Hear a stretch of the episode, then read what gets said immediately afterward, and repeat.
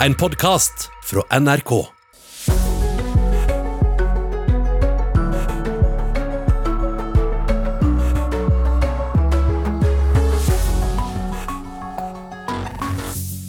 God fredag morgen. Koronasmitte er stikkord denne morgenen.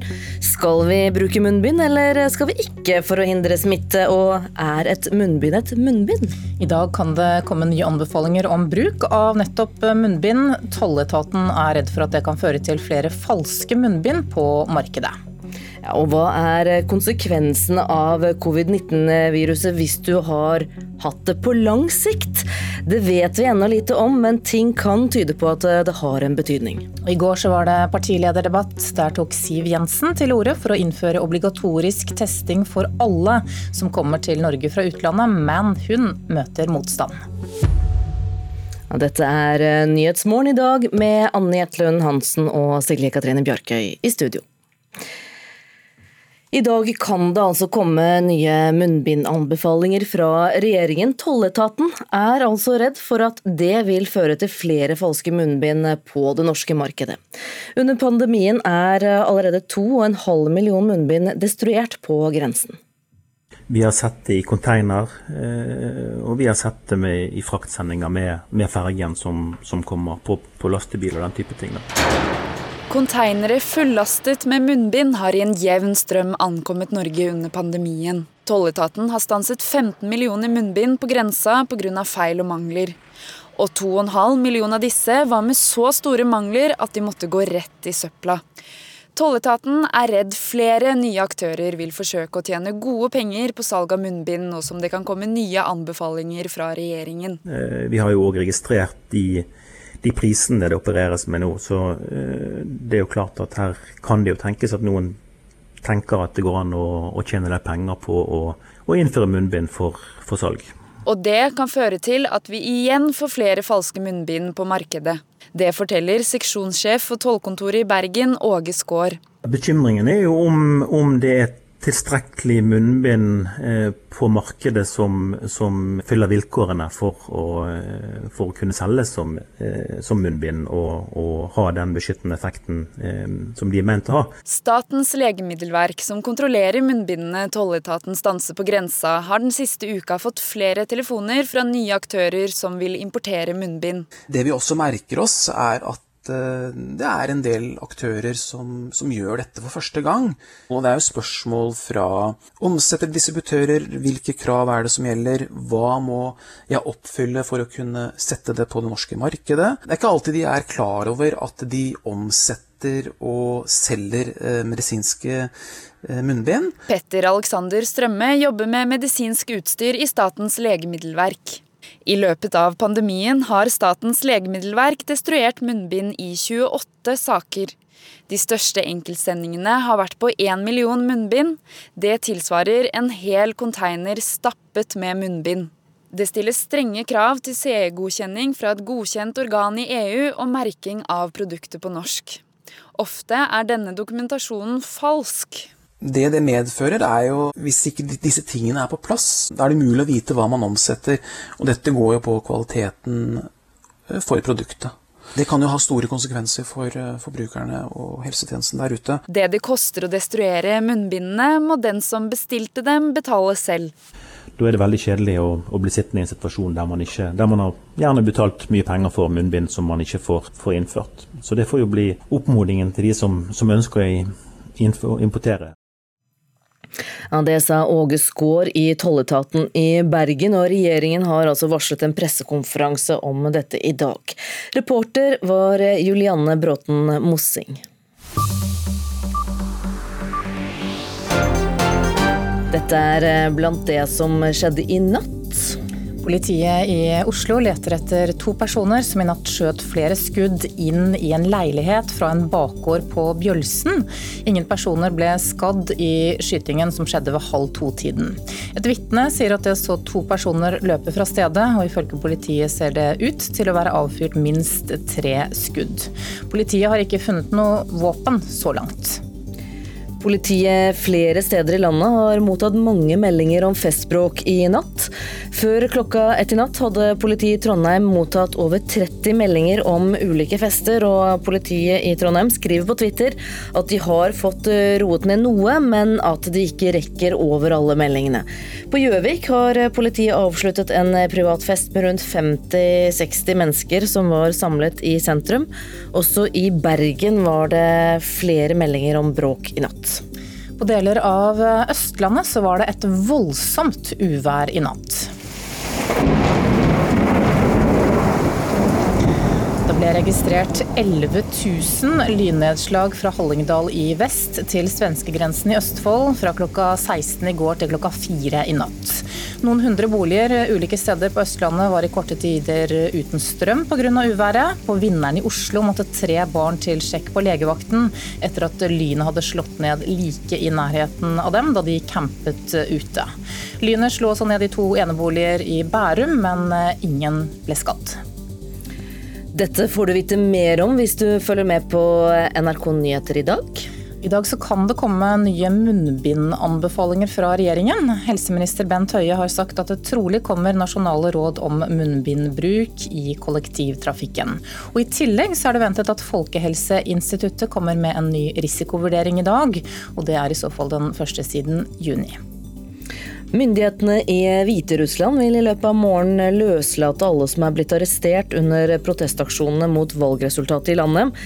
De opplyser landets viseinnenriksminister. Minst to mennesker er blitt drept og flere tusen er arrestert i opptøyene, som altså fulgte etter at president Aleksandr Lukasjenko ble gjenvalgt på søndag. I Hellas så er koronasmitten nå på vei opp. Alt tyder på at smitten sprer seg så raskt at landet blir rødt i løpet av helgen, dersom vi legger regjeringens grenser til grunn. Men i andre land i Europa så ser det ut til at situasjonen er i ferd med å bremse opp. Og Halvard Sandberg, utenriksjournalist i NRK, god morgen. God morgen, ja. Du, hva er status i Hellas i øyeblikket? Hellas har en økning i økningen, hvis du forstår hva det betyr. At eh, den økningen som har vært nå de siste ukene, den har tatt et hopp oppover.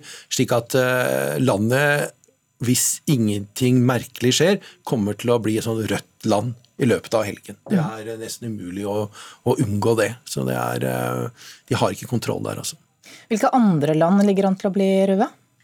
Det er Storbritannia og Tyskland. Eh, de tar litt lengre tid. Fortsetter det slik som det gjør nå, og slik som det har gjort nå over ganske mange dager i Tyskland og Storbritannia, så vil de bli det vi kaller røde land da, eh, i slutten av denne måneden, kanskje første uken av september. Det er dit de er på vei. Hva er grunnen da til at smitten øker i disse landene? Det er omtrent sånn som det er overalt, sånn som det er her uh, også. Folk uh, er vel uh, slitne etter en lang periode med å tenke på pandemien og viruset, og det er mer reisevirksomhet, og det har vært ferietid, og det er mer avslapping. Og så kommer viruset og biter deg i baken når du gjør slikt noe, og det er det bildet du ser hele tiden. Hva med andre typiske land som nordmenn drar til, f.eks. Østerrike eller Italia? Der er det også økning eh, Det er mye støy i tallene fra Østerrike, så det er vanskelig å si, men de har en økning nå den siste uken. Eh, så De går også opp mot den røde sonen ganske så raskt. Italia er også på vei dit, men de er fra et veldig lavt nivå. De slo Hammeren de brukte i Italia var så kraftig at de kom lavt, lavt ned. Eh, men de er på vei oppover nå, og selv om de ligger bak Norge i smittetrykk, så er det dit de skal, de også, med å komme opp i det røde nivået. Hva med nabolandene våre, Sverige, Danmark, eh, Finland og Island? Hvordan ligger det an der? Det er litt blandet. I Sverige så er det jo en, vært en nedgang, og så var det en liten oppgang, og så er det en avflating i den oppgangen igjen. Så det er en sånn liten sånn hopp-hopp. så det er bra. Danmark er jo det triste. Det er jo en kraftig, kraftig økning. Og hele landet vil jo gå over den sperregrensen på 20 per 100 000 smittede ganske så raskt. Island kan bli grønn igjen. Og det er ganske raskt. Det ser ut som de har eh, kontroll. Finland, som har vært liksom bautaen i Norden og liksom, her skal ikke vi ha virus, eh, ser dessverre ut til å få mer og mer av det, men fra et veldig lavt nivå. Nå er det fortsatt eh, sommer og varmt, men vi nærmer oss høsten. Hva er det ekspertene er redd for at skal skje i ukene og månedene fremover? At vi går innendørs og blir smittet. Det er som det som er det. Nå er veldig mye aktivitet ute, folk møtes ute. Eh, mens når det blir kaldere og råere, så har viruset bedre muligheter til å smitte mennesker fordi at vi er mer innendørs. Det er liksom den levende teorien. Det er alltid sånn med luftbårne sykdommer, altså med sånne luftveisinfeksjoner. Når høsten kommer, vinteren kommer, så blir det mer av det og verre av det. og Vi kan se det i Australia, hvor de virkelig sliter nå. Hvor de lå så godt an, sliter nå. Der er det vinter. Så eh, det er det de frykter. Men Betyr den økningen vi nå ser i store deler av Europa at vi også må belage oss på at vi får ganske mange nye dødsfall? Vi får nok flere, men nå har vi blitt mye flinkere til å ta vare på de som er syke. Og så er det mange flere av de smittede som nå faktisk blir oppdaget enn det var tidligere. Ikke bare de verste, de sykeste tilfellene. Og så er det veldig mange unge. slik at Det vi ser overalt, og hele verden egentlig nå, er jo at det skal langt flere smittede til eh, for at det dessverre er en som skal eh, miste livet enn det var tidligere. Ok, Takk skal du ha, utenriksreporter Halvard Sandberg. Hvordan påvirker covid-19 kroppen etter at du har kommet deg av viruset, altså på lang sikt? Nå kommer det informasjon som kan tyde på at eh, smittede, med, også de med mild sykdom, kan få skader på lungene, på hjertet og på hjernen. Marte Kvittum Tangen, leder for Norsk forening for allmennmedisin, god morgen. God morgen. Hva konkret vet vi om konsekvensene på sikt av koronasmitte? Vi vet jo ennå ganske lite, og det er få norske studier som sier noe om dette. Men vi vet mer og mer, og det kommer nå internasjonal eh, forskning. Eh, man vet jo mest om følgetilstander hos de som har vært innlagt på sykehus, eh, og de som har hatt et alvorlig forløp. Og Da ser man at det kan være mange og alvorlige følgetilstander, som blodpropp, hjerte-karsykdommer, lungesykdommer, andre infeksjoner, nyresvikt, leversvikt, nevrologiske og psykiske symptomer. Men vi ser også at etter en veldig mild koronainfeksjon, så kan man få følgesymptomer.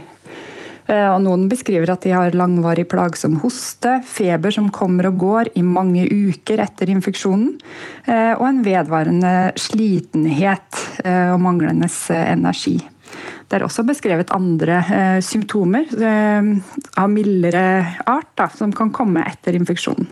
Men er det da snakk om permanente ettervirkninger, eller går de over etter en tid?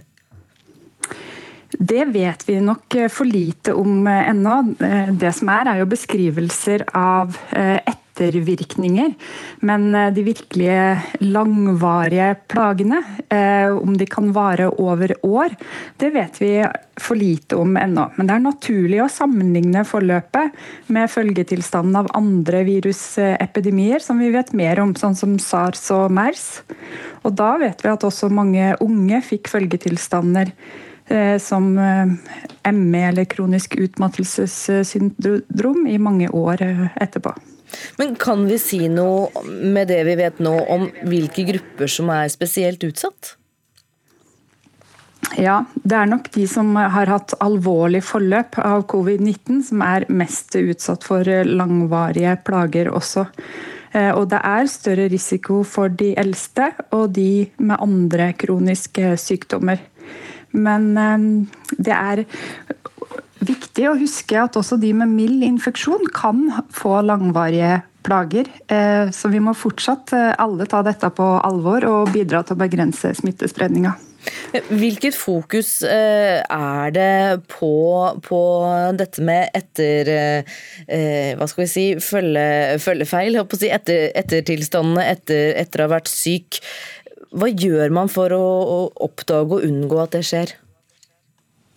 Det kommer flere og flere studier som beskriver følgetilstander. og så er det helt naturlig at det er den akutte infeksjonen og symptomene og behandlingen av den som får mest oppmerksomhet først.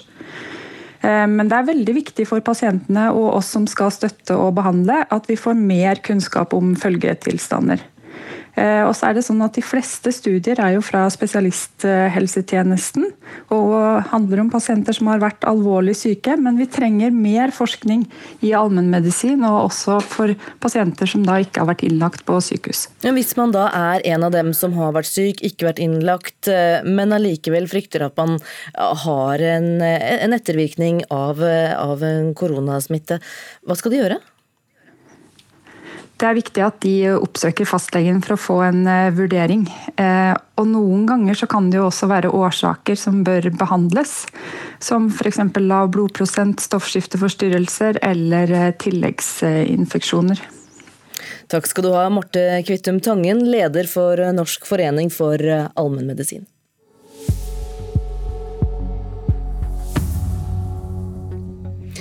Klokka har blitt 18 eh, minutter over sju. Det er eh, NRK Nyhetsmorgen du hører på.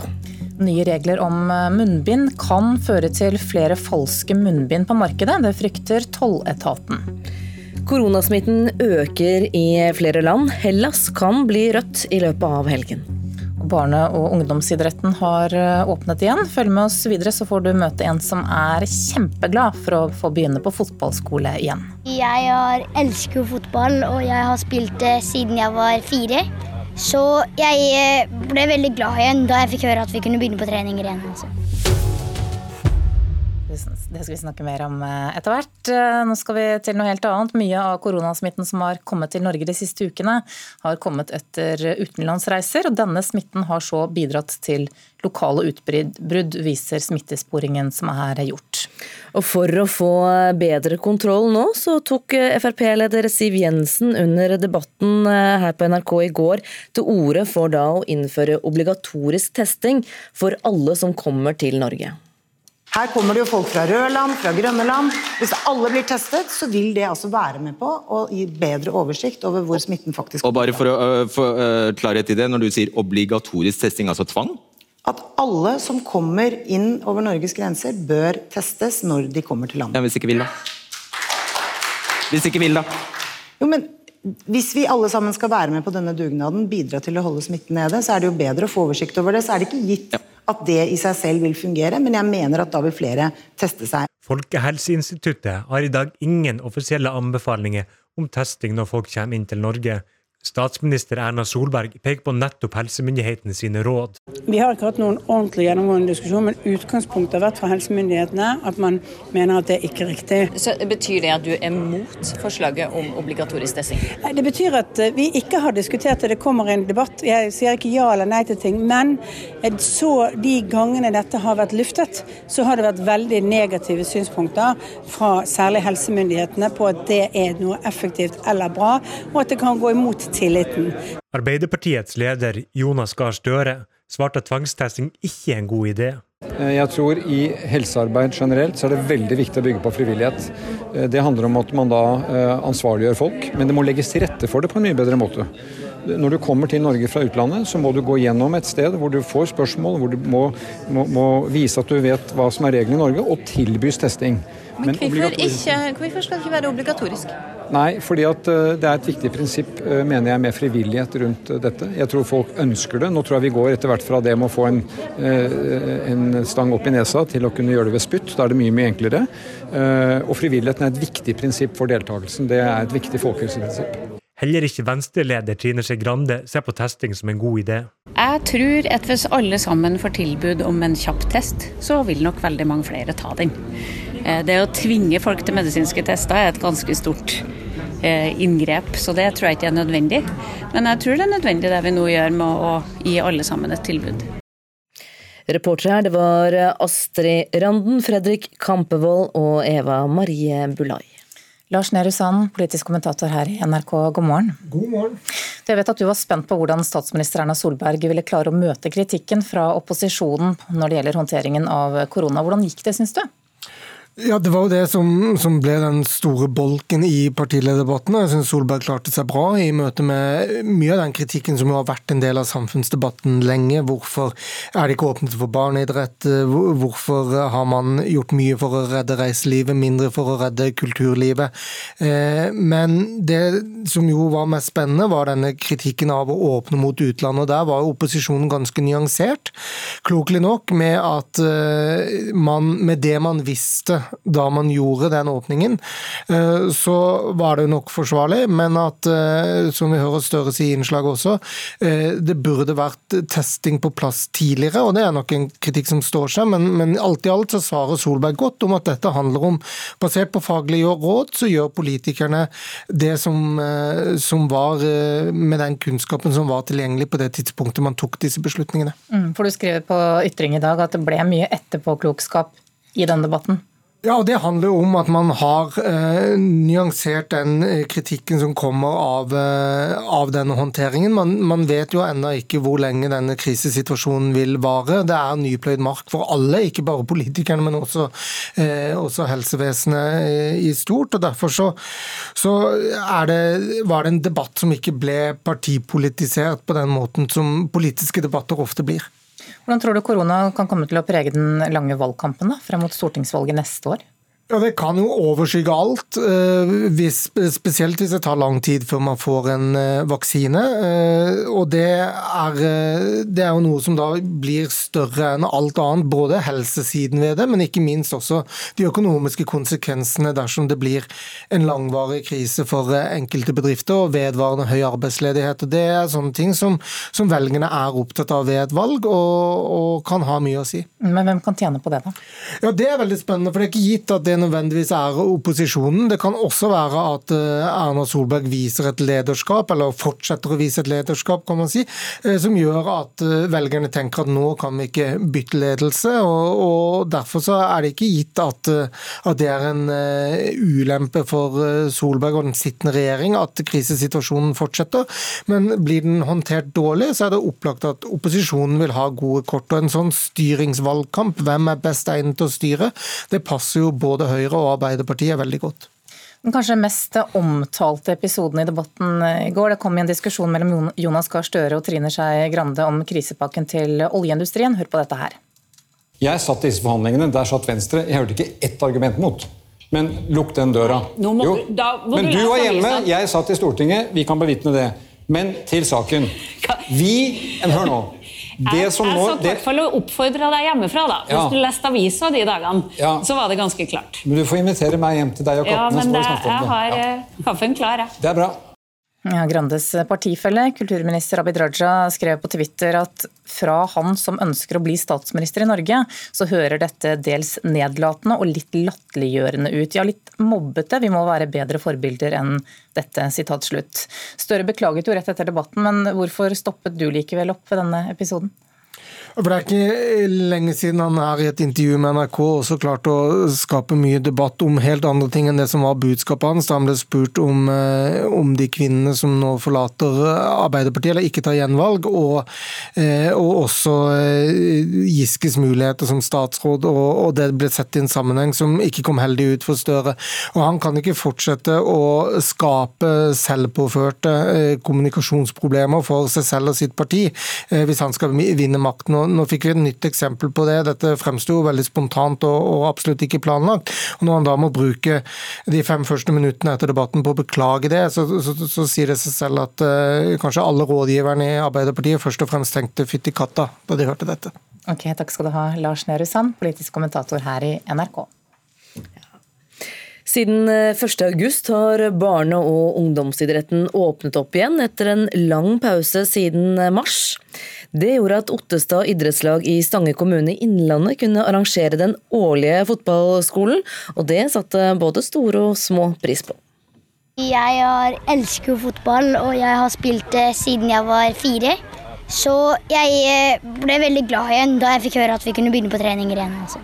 Det sier Mathias Silberhorn, som er en av de mange fotballentusiastene som er veldig glad for at fotballskolen i år arrangeres.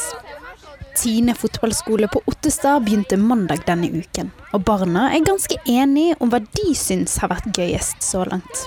Mm, at vi lærer nye ting. Spille fotball. I hvert fall å leke napp og hale. Isak Midthun Møller, som er en av barna på fotballskolen, han poengterer at pausen har satt sine spor. Man kjenner man er litt rusten, for at uh, det går en del baller over gjerdet, for å si det sånn. Sportslig ansvarlig for arrangementet, Ivan Sjukov, er veldig fornøyd med å ha barna ute på fotballbanen igjen. Det har vært fantastisk. Det tror jeg er noe mange av de har gledet seg til. Det er instruktør Ida Midtberg enig i, selv om fotballskolen i år har vært litt spesiell. Eh, det har vært gøy, litt annerledes enn det har vært eh, de forrige åra, men eh, gøy. For det har vært mange smittevernregler både barn og voksne har måttet forholde seg til i år. Over hele arenaen var det plassert ut antibac-flasker som alle måtte bruke flittig. Og to instruktører følger én gruppe gjennom hele uken og passer på at barna ikke beveger seg på tvers av gruppene. Ivan Zjukov skryter av både instruktørene og kanskje spesielt barna. Det er litt uh, artig å se at det er faktisk enkelte ganger det er barna som tar initiativet når det kommer til uh, bruk av antibac, holde avstand. Det er veldig Mange av de er veldig modne. Etter en lang pause fra barneidretten er mange nå bekymret for at det skal bli en del frafall. Ivan Sjukov mener at fotballskolen blir en viktig del av å få barna til å fortsette. Dette er en eh, veldig fin start på fotballsesongen for mange. Og så det Hovedmålet vårt er å gjøre fotball gøy. Og vi håper at eh, mange får enda mer lyst til å fortsette å drive med fotballen etter den eh, fotballskolen her. Kommer dere til å fortsette med fotball nå? Ja! ja, ja definitivt. Så klart. Reporter her det var Helene Steinfeld eh, Monsen. Klokka nærmer seg 7.30. Vidar Eidhammer er straks klar med Dagsnytt. Og etter det så skal vi snakke med politiet. Ja, for det har vært uh, mye snakk om ungdom og festing denne uken. Og da særlig uh, hjemmefester og fadderuka har fått mye oppmerksomhet. Vi spør politiet hvordan de forbereder seg på en ny festhelg.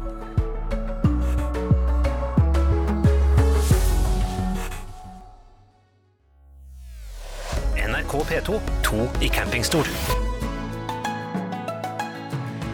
Han er leder for den politiske festivalen i Arendal, som i år blir avvikla i miniformat. Hun er trønderen som lenge sleit med å komme seg inn i den sjølopptatte Oslo-bobla.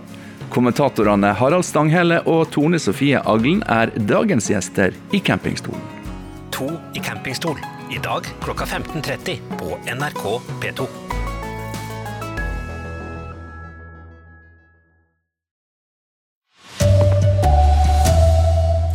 Tolletaten frykter flere falske munnbind om det kommer råd om munnbindbruk i Norge.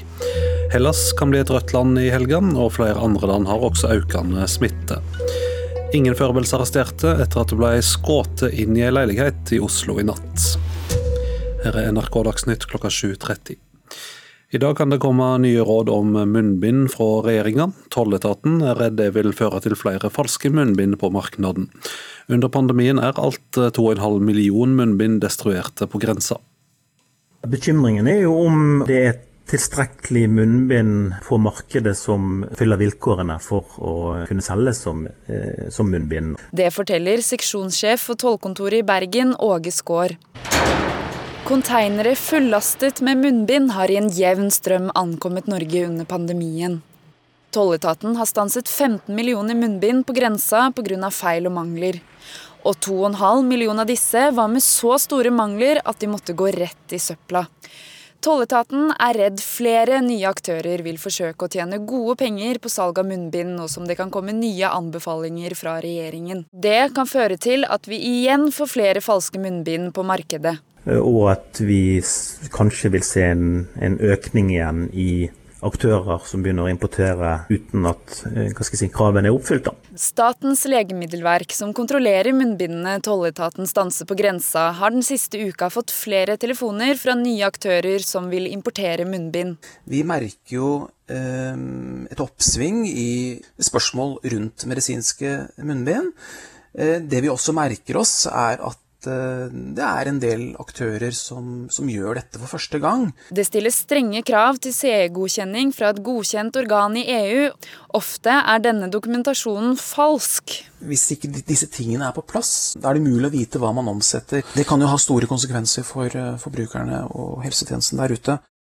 Det sa Peter Alexander Strømme i Statens eh, legemiddelverk, reporter Juliane Bråten Mossing. I Hellas er smitten på vei oppover, og mye tyder på at landet kan bli rødt i helga, altså at det er flere enn 20 smitta per 100 eh, 000 innbyggere hver dag. Utenriksreporter Alvar Sandberg, hvordan er situasjonen i Hellas nå? Ja, Hellas så har økningen økt i løpet av de siste dagene. Det har vært opplagt at eh, Hellas ville nå denne 20-grensen i løpet av denne tiden, men i løpet av de siste dagene så har det gått mye raskere igjen, så nå er det løpet av helgen så vil de nok gå over den grensen. Hva andre land eh, står i fare for å bli røde? Tyskland øh, og Storbritannia. Storbritannia nærmere enn uh, Tyskland. Det, begge landene har hatt en sånn jevn, seig økning opp mot uh, 20-tallet, og de vil nå det kanskje slutten av måneden, kanskje første del av september. Hvis det fortsetter slik som det gjør nå. Og det er jo ikke sikkert. Fins det lyspunkt i Europa? Ja, det gjør det. Island er jo et lyspunkt. Der går det ned igjen, så de uh, vil nok bli grønne igjen innen ganske kort tid. Spørsmålet om de vil ha reise fra oss, det er noe annet. Uh, Spania så ser du også at de har nådd over kneika uh, av den økningen de har hatt i det, i, det, siste. Belgia også en kraftig nedgang. Det er lyspunkt, og det er jo ikke mye smitte vi snakker om. Det er ikke slik som det var i mars-april. Og Vi nærmer oss jo også høsten, ei tid med, der det ofte er forkjøling og andre sykdommer. Hvordan ser ekspertene på dette? De er veldig bekymret, og de bruker Australia nå som eksempel, som er Australia som er inne i vinteren sin, eh, hvor det er vanskelig å holde kontrollen. Og de er redd for at noe lignende vil skje i Europa løpet av eh, høsten. At vi vil få veldig mange smittede. Fordi at det er så få i befolkningene som er smittet eh, fra før, slik at det er nesten som viruset har fritt leide. Utenriksreporter Halvard eh, Sandberg. Mye av eh, koronasmitten i Norge de siste ukene har altså kommet etter utenlandsreiser. Denne smitten har så ført til lokale utbrudd, syner smittesporinga som er gjort. Og For å få bedre kontroll nå, tok Frp-leder Siv Jensen under debatten på NRK i går til orde for å innføre obligatorisk testing for alle som kommer til landet. Her kommer det jo folk fra røde land, fra grønne land. Hvis alle blir testet, så vil det altså være med på å gi bedre oversikt over hvor smitten faktisk Og bare for å uh, få uh, klarhet i det, Når du sier obligatorisk testing, altså tvang? At alle som kommer inn over Norges grenser, bør testes når de kommer til landet. Ja, Hvis ikke vil, da? Hvis ikke vil, da? Jo, men hvis vi alle sammen skal være med på denne dugnaden, bidra til å holde smitten nede, så er det jo bedre å få oversikt over det. Så er det ikke gitt ja. at det i seg selv vil fungere, men jeg mener at da vil flere teste seg. Folkehelseinstituttet har i dag ingen offisielle anbefalinger om testing når folk kommer inn til Norge.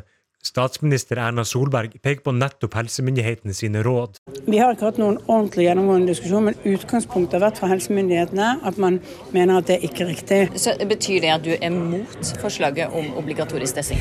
Det betyr at eh, vi ikke har diskutert det. Det kommer en debatt. Jeg sier ikke ja eller nei til ting. Men så de gangene dette har vært luftet, så har det vært veldig negative synspunkter fra særlig helsemyndighetene på at det er noe effektivt eller bra, og at det kan gå imot tilliten. Arbeiderpartiets leder Jonas Gahr Støre svarte at tvangstesting ikke er en god idé. Eh, jeg tror I helsearbeid generelt så er det veldig viktig å bygge på frivillighet. Eh, det handler om at man da eh, ansvarliggjør folk, men det må legges til rette for det på en mye bedre måte. Når du kommer til Norge fra utlandet, så må du gå gjennom et sted hvor du får spørsmål, hvor du må, må, må vise at du vet hva som er reglene i Norge, og tilbys testing. Reportere Fredrik Ampevold og Astrid Randen. Politiet leter eh, fremdeles etter de som skjøt inn i en leilighet på Bjølsen i Oslo i natt. Det sier Vidar Pedersen i politiet. Vi hadde politipatruljer like i nærheten og var raskt på stedet. Eh, likevel så klarte gjerningsmennene å løpe av gårde før vi ankom. Eh, både den fornærmede parten her og et vitne i bygården har fortalt at det ble observert to personer, trolig da unge menn, løpe fra stedet. Vi hadde mye politiområder og søkte etter disse her, men så langt så er ingen pågrepet. Datatilsynet mener det er alvorlig at Sykehuset Innlandet ikke varsla med en gang, etter at de ved en glipp publiserte teiepliktige opplysninger om 70 pasienter og ansatte i 2017. De råka var helt uvetende om at personnummer og helseopplysninger hadde vært offentlige, før de fikk et brev for bare tre uker siden. Det står bare at det var en spesialisterklæring med fullt fødselsnummer og personnummer. I 2015 var Tore Nestaker i en ulykke. Denne ulykken har gjort at han har hatt flere sykehusbesøk de siste årene, og informasjon om dette samt personnummeret hans ble sammen med tilsvarende informasjon til 70 andre ved et uhell publisert offentlig av Sykehuset Innlandet for tre år siden.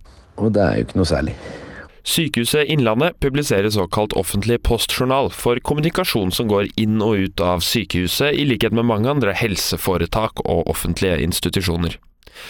Når det dukker opp taushetsbelagt informasjon på slike brev, skal det egentlig sladdes, men det ble altså ikke gjort i dette tilfellet.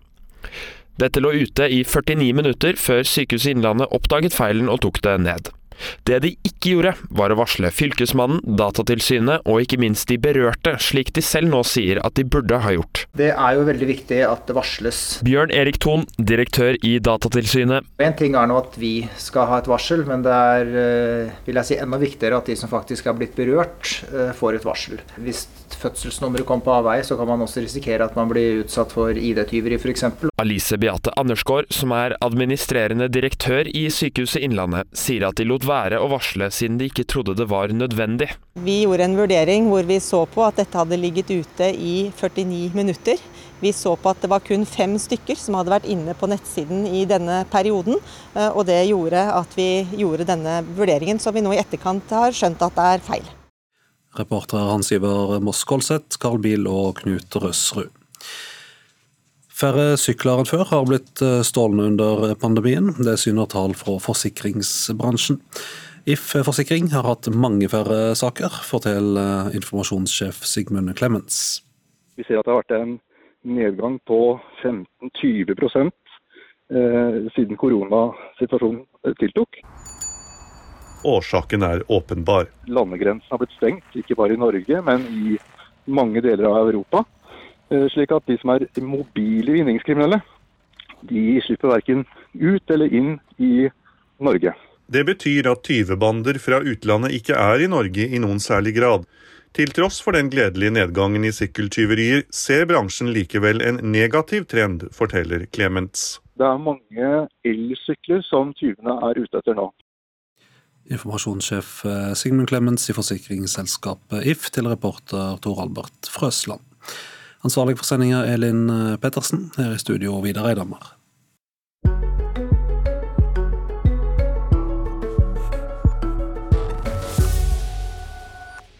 Denne uken så har det vært mye snakk om ungdom og festing. Særlig hjemmefester og fadderuken har fått eh, mye oppmerksomhet. Tina Regine Grønås er fadder på Oslo OsloMet. Hun sier at de ferske studentene har tatt smittevern mer alvorlig de siste dagene. Vi har én meter avstand, masse antibac, bruker hansker nå når vi driver med mat og sånne ting. Alle, mye, mye mye antibac. Det har vi. Og så er vi jo mye mer forsiktige og obs på, på, alle rundt oss. Og jeg tror de fleste er obs på at det er mye strengere med drikking i parker og sånne ting.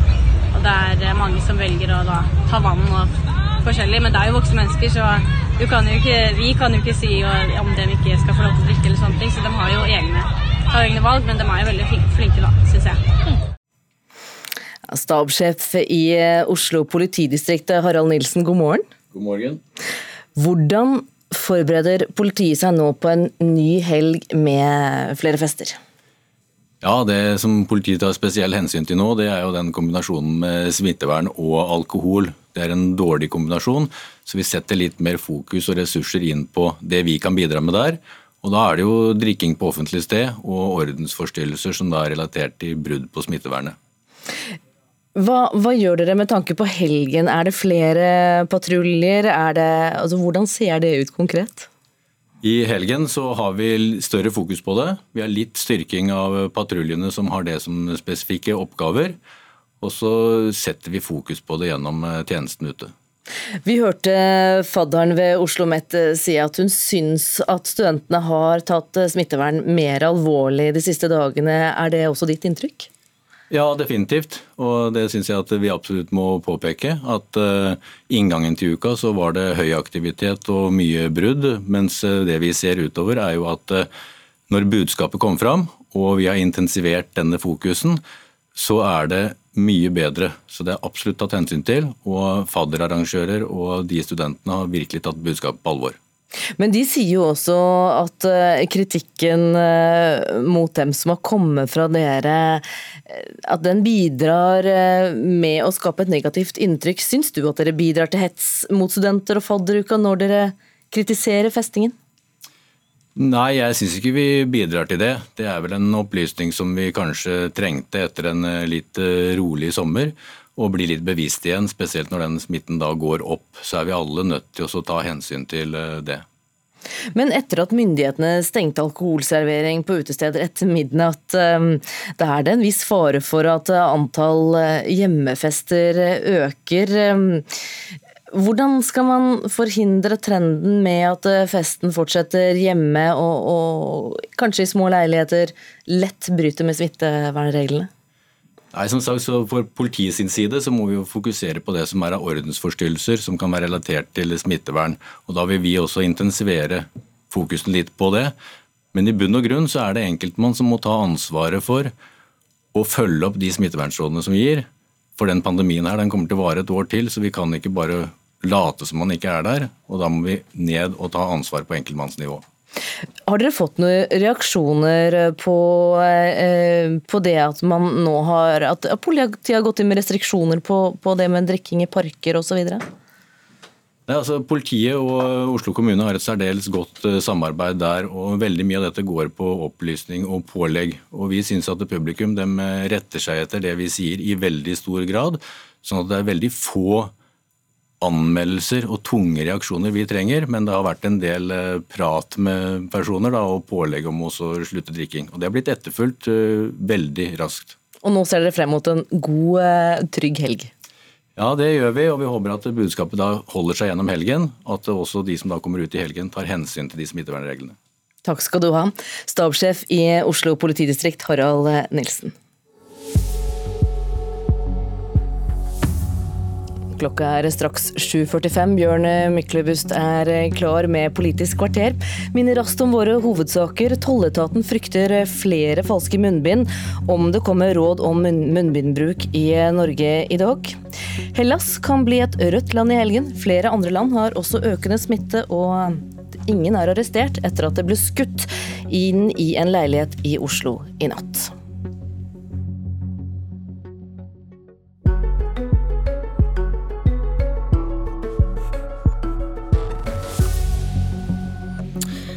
Vil korona avgjøre hvem som er statsminister i Norge etter valget om ett år? Dagsavisens kommentator tror Erna Solberg vinner valget hvis hun holder kontroll på viruset.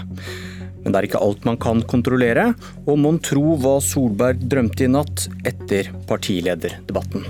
Min ønskedrøm er at vi hadde hatt et harmonisk firepartisamliv, men eh, Vi skal ikke støtte en regjering vi selv ikke er en del av. Erna Solberg må altså ikke miste kontrollen over covid-19. Eller Siv Jensen, vi får begynne med korona, for det preget naturlig nok gårsdagens debatt. Gjorde regjeringen rett da Norge ble åpnet? Arbeiderpartiets leder anklaget regjeringen for å ha vært for slappe da vi fikk dra til utlandet igjen, men fikk svar. Dette er etterpåklokskap. Etterpåklokskap? Vel, vi vil ikke lukke Norge, men når man åpner, og man har tiltakene i plass for at man kan ta folk tilbake Dette når de sa vi et ord om før i dag, etter at vi hadde satt i gang. Takk for det. Takk for det. Ta plass igjen. Velkommen til tre med litt lite søvn, men med analytisk rike drømmer, får vi tro. Eh, politisk redaktør i VG, Hanne Skartveit, god morgen. God morgen. Kommentator i Dagsavisen, Hege Ulstein, velkommen til Politisk kvarter. God morgen. Og vår egen politiske kommentator Lars Nehru Sand. God morgen. God morgen. Du, Vi begynner med deg, Ulstein. Jeg vet ikke om du hørte det på vei inn her, men jeg nevnte deg i, i overskriften her. Hvorfor tror du Erna Solberg vinner stortingsvalget neste år, hvis hun håndterer pandemien godt? Det er i hvert fall to grunner til det. og Den ene er at sånn som det ser ut nå, så kommer det til å være den store overskyggende saken i politikken også det neste året. Det var veldig tydelig under partilederdebatten i går. Det var nesten bare det man snakket om. Og det er ingenting som tyder på at vi får en vaksine eller en medisinsk løsning på den krisen før eh, langt ut i neste år, i hvert fall. Eh, og så har vi i tillegg sett at måten hun har håndtert det på til nå, har vært eh, en veldig styrke for henne. Hun har fått en sterk økning i tilliten. Det er stor oppslutning om, om regjeringen. og i hvert fall til i går kveld så har også opposisjonen vært veldig veldig forsiktig med å kritisere eller, eller ha en konfronterende retorikk på, på, denne krisen. Det kan endre seg. men Uavhengig av det så tror jeg at hvis, hun, hvis vi ikke får en veldig økning i sykdom og eh, spesielt dødsfall og alvorlige forløp, eller en stor økonomisk krise hvor vi må stenge veldig ned, men at de klarer å finne det balansepunktet, så tror jeg det i seg selv kommer til å være en så eh, sterk attest til regjeringen at da, da blir det vanskelig for opposisjonen å matche det. Men eh, Kan ikke hennes store konkurrent Jonas Gahr Støre bare si ja, men jeg ville jo gjort akkurat det samme, dette er ikke noe spesielt, jeg ville håndtert det på, på samme vis? Ja, og, jo... og velgerne vil skjønne det? Ja, Det får vi se. Men altså det, eh, det, har jo vært litt av problemet til Arbeiderpartiet nå i eh, snart eh, åtte år. At de, de har vært, hvert fall fått veldig mye kritikk, og jeg har vært en av dem som har kritisert dem for det. At det har vært for mange forlik. De har blitt for like, de har vært for svake i opposisjon. og det, det, har de ikke tjent på til nå. Så det kan jo hende du har rett at det plutselig blir en vinnerformel. Men, men i de fleste andre land som har regjeringer som lykkes, så ser vi at dette spørsmålet er så viktig og så stort og så overskyggende at hvis regjeringen klarer å håndtere krisen, så vinner de på det. De lederne som ikke klarer å håndtere den, de taper på det. Men Hvis du fortsetter som rådgiver, så da er clouet ikke å si at jeg ville gjort det like bra, det er å finne de politiske forskjellene i koronaproblematikken, da? Ja, det, jeg synes Vi så to eksempler på det i går som, som, eh, som, som kan si noe om hva, eh, hvordan dette kan spille ut. Det ene var det du spilte av nå med etterpåklokskap. Og der tror jeg Jonas Gahr Støre og opposisjonen altså Det er veldig lett å forstå at de ikke ville polarisere den debatten eh, i vår og ved inngangen til sommeren. Men nå får de den litt som en bumerang, fordi nå blir all kritikk etterpåklokskap. ikke? Som Erna sier, hvorfor sa du ikke noe før? Hvorfor sier du plutselig noe nå? Hvorfor kunne han ikke være mer kritisk på det tidspunktet? Så det at de nå begynner å bli kritiske og skape en debatt, det, det gjør jo at de bereder grunnen for også å ha ha en mer uenighet og, og, og mer diskusjon om eh, tiltakene. Eh, og det andre, det andre, punktet, det er jo at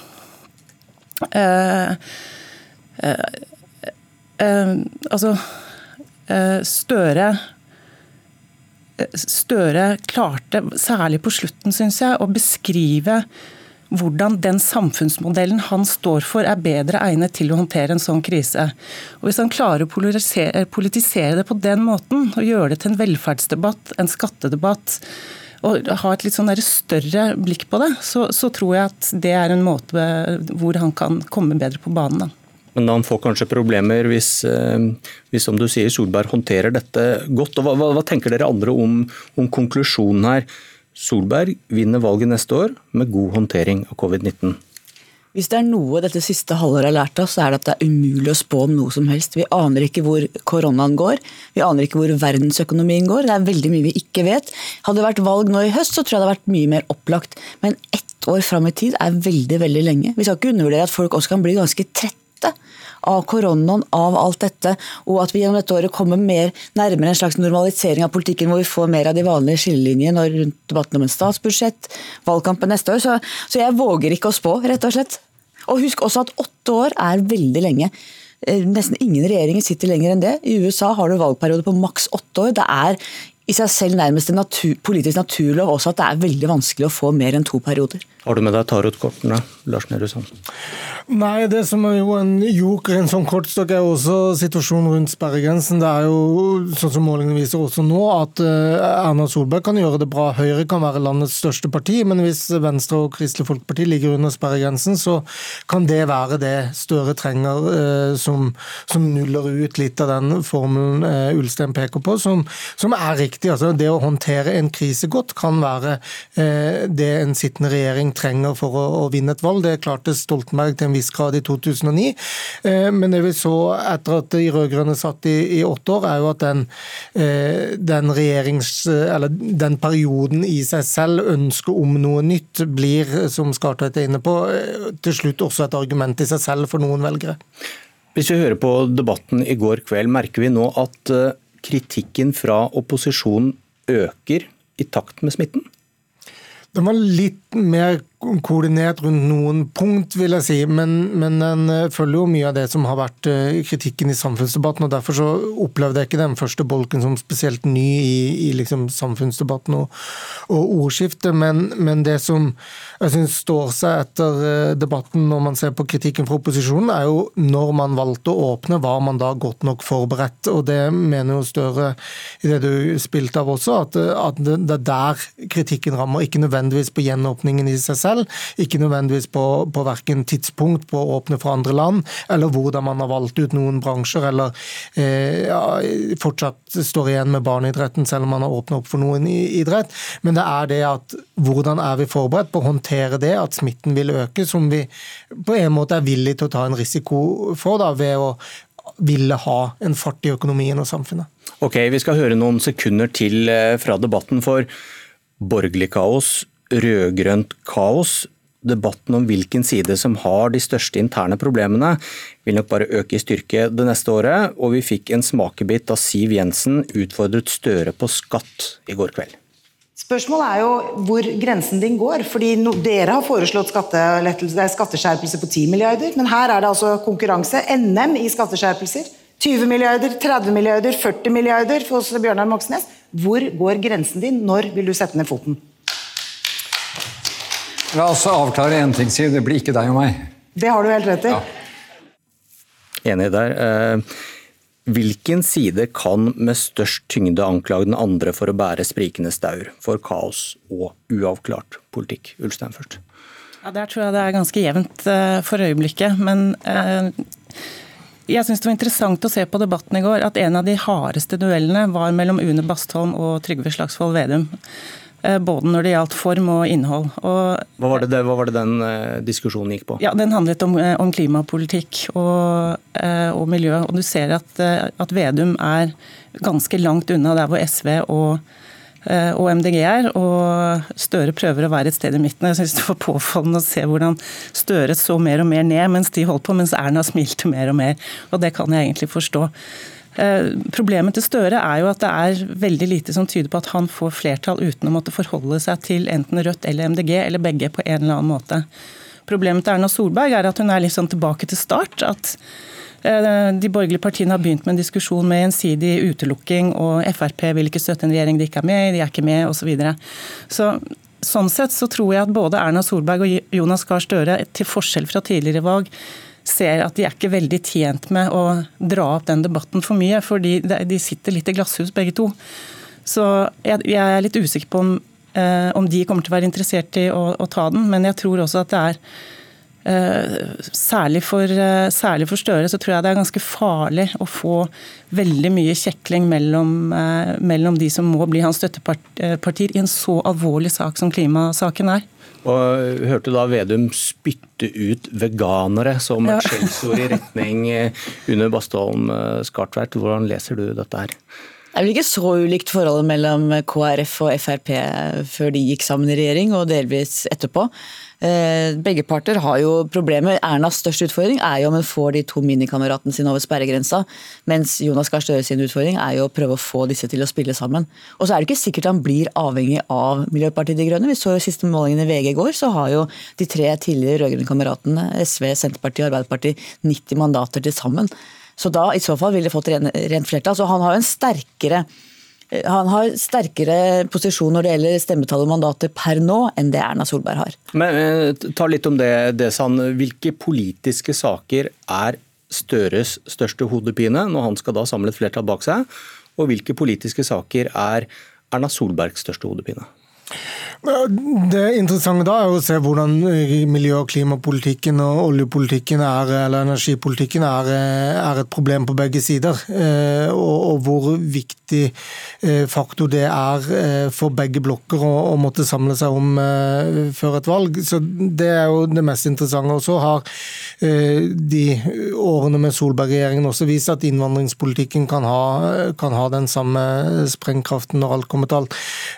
Når det kommer til skattepolitikk og den mer sånn overordna budsjettsituasjonen, så tror jeg det på begge sider er mulig å finne kompromisser der som, som er, er eh, løselige, selv om sikkert skatt på arv og en del sånne ting vil, vil være interessant å se hvordan partiene på venstresiden spesielt eh, lander det i sine program.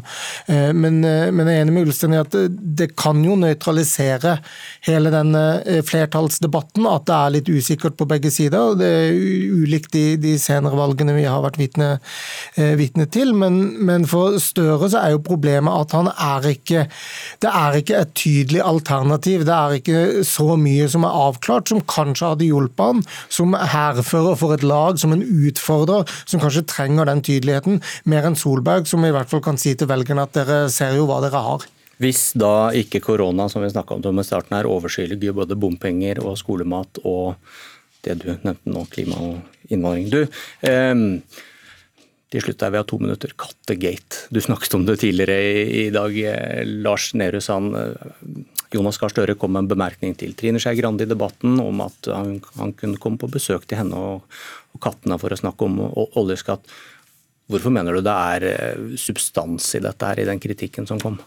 Ja, han valgte jo å beklage det selv, eh, så, så såpass substans var det jo i, kritikken. Og, og det føyer seg inn i en rekke av flere eksempler på at Støre uh, havner ut i, i totalt selvforskyldte uh, kommunikasjonsproblemer, og det trenger han ikke i, i en valgkamp.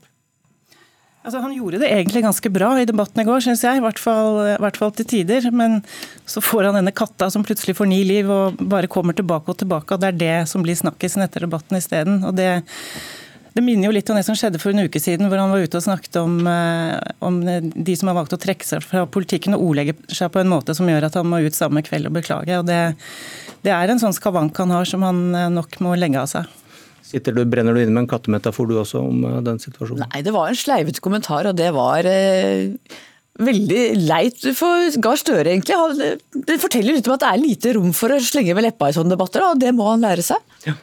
Og så helt til slutt. Eh, Siv Jensen støtter ikke en regjering hun ikke sitter i, og så kommer det et budsjett i høst.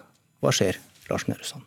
Ja, det er jo, Ved siden av korona så er det det som er det mest spennende denne politiske høsten, tror jeg. Hvordan eh, det budsjettet blir seende ut, og hvordan da Frp spiller kortene sine for å, å sannsynligvis ha sikre et flertall for det budsjettet. Men vil jo selvfølgelig ikke bli tatt for gitt og, og ha, ha sine, eh, sine, krav inn i, i, den prosessen her. og det, det har mye å si for, eh, for hvordan også Erna Solberg sitt lederskap vil bli testet denne høsten. Takk for at dere delte deres analytisk rike drømmer med oss denne morgenen. Dette var Politisk kvarter. Vi er tilbake på mandag. Nå fortsetter Nyhetsmorgen.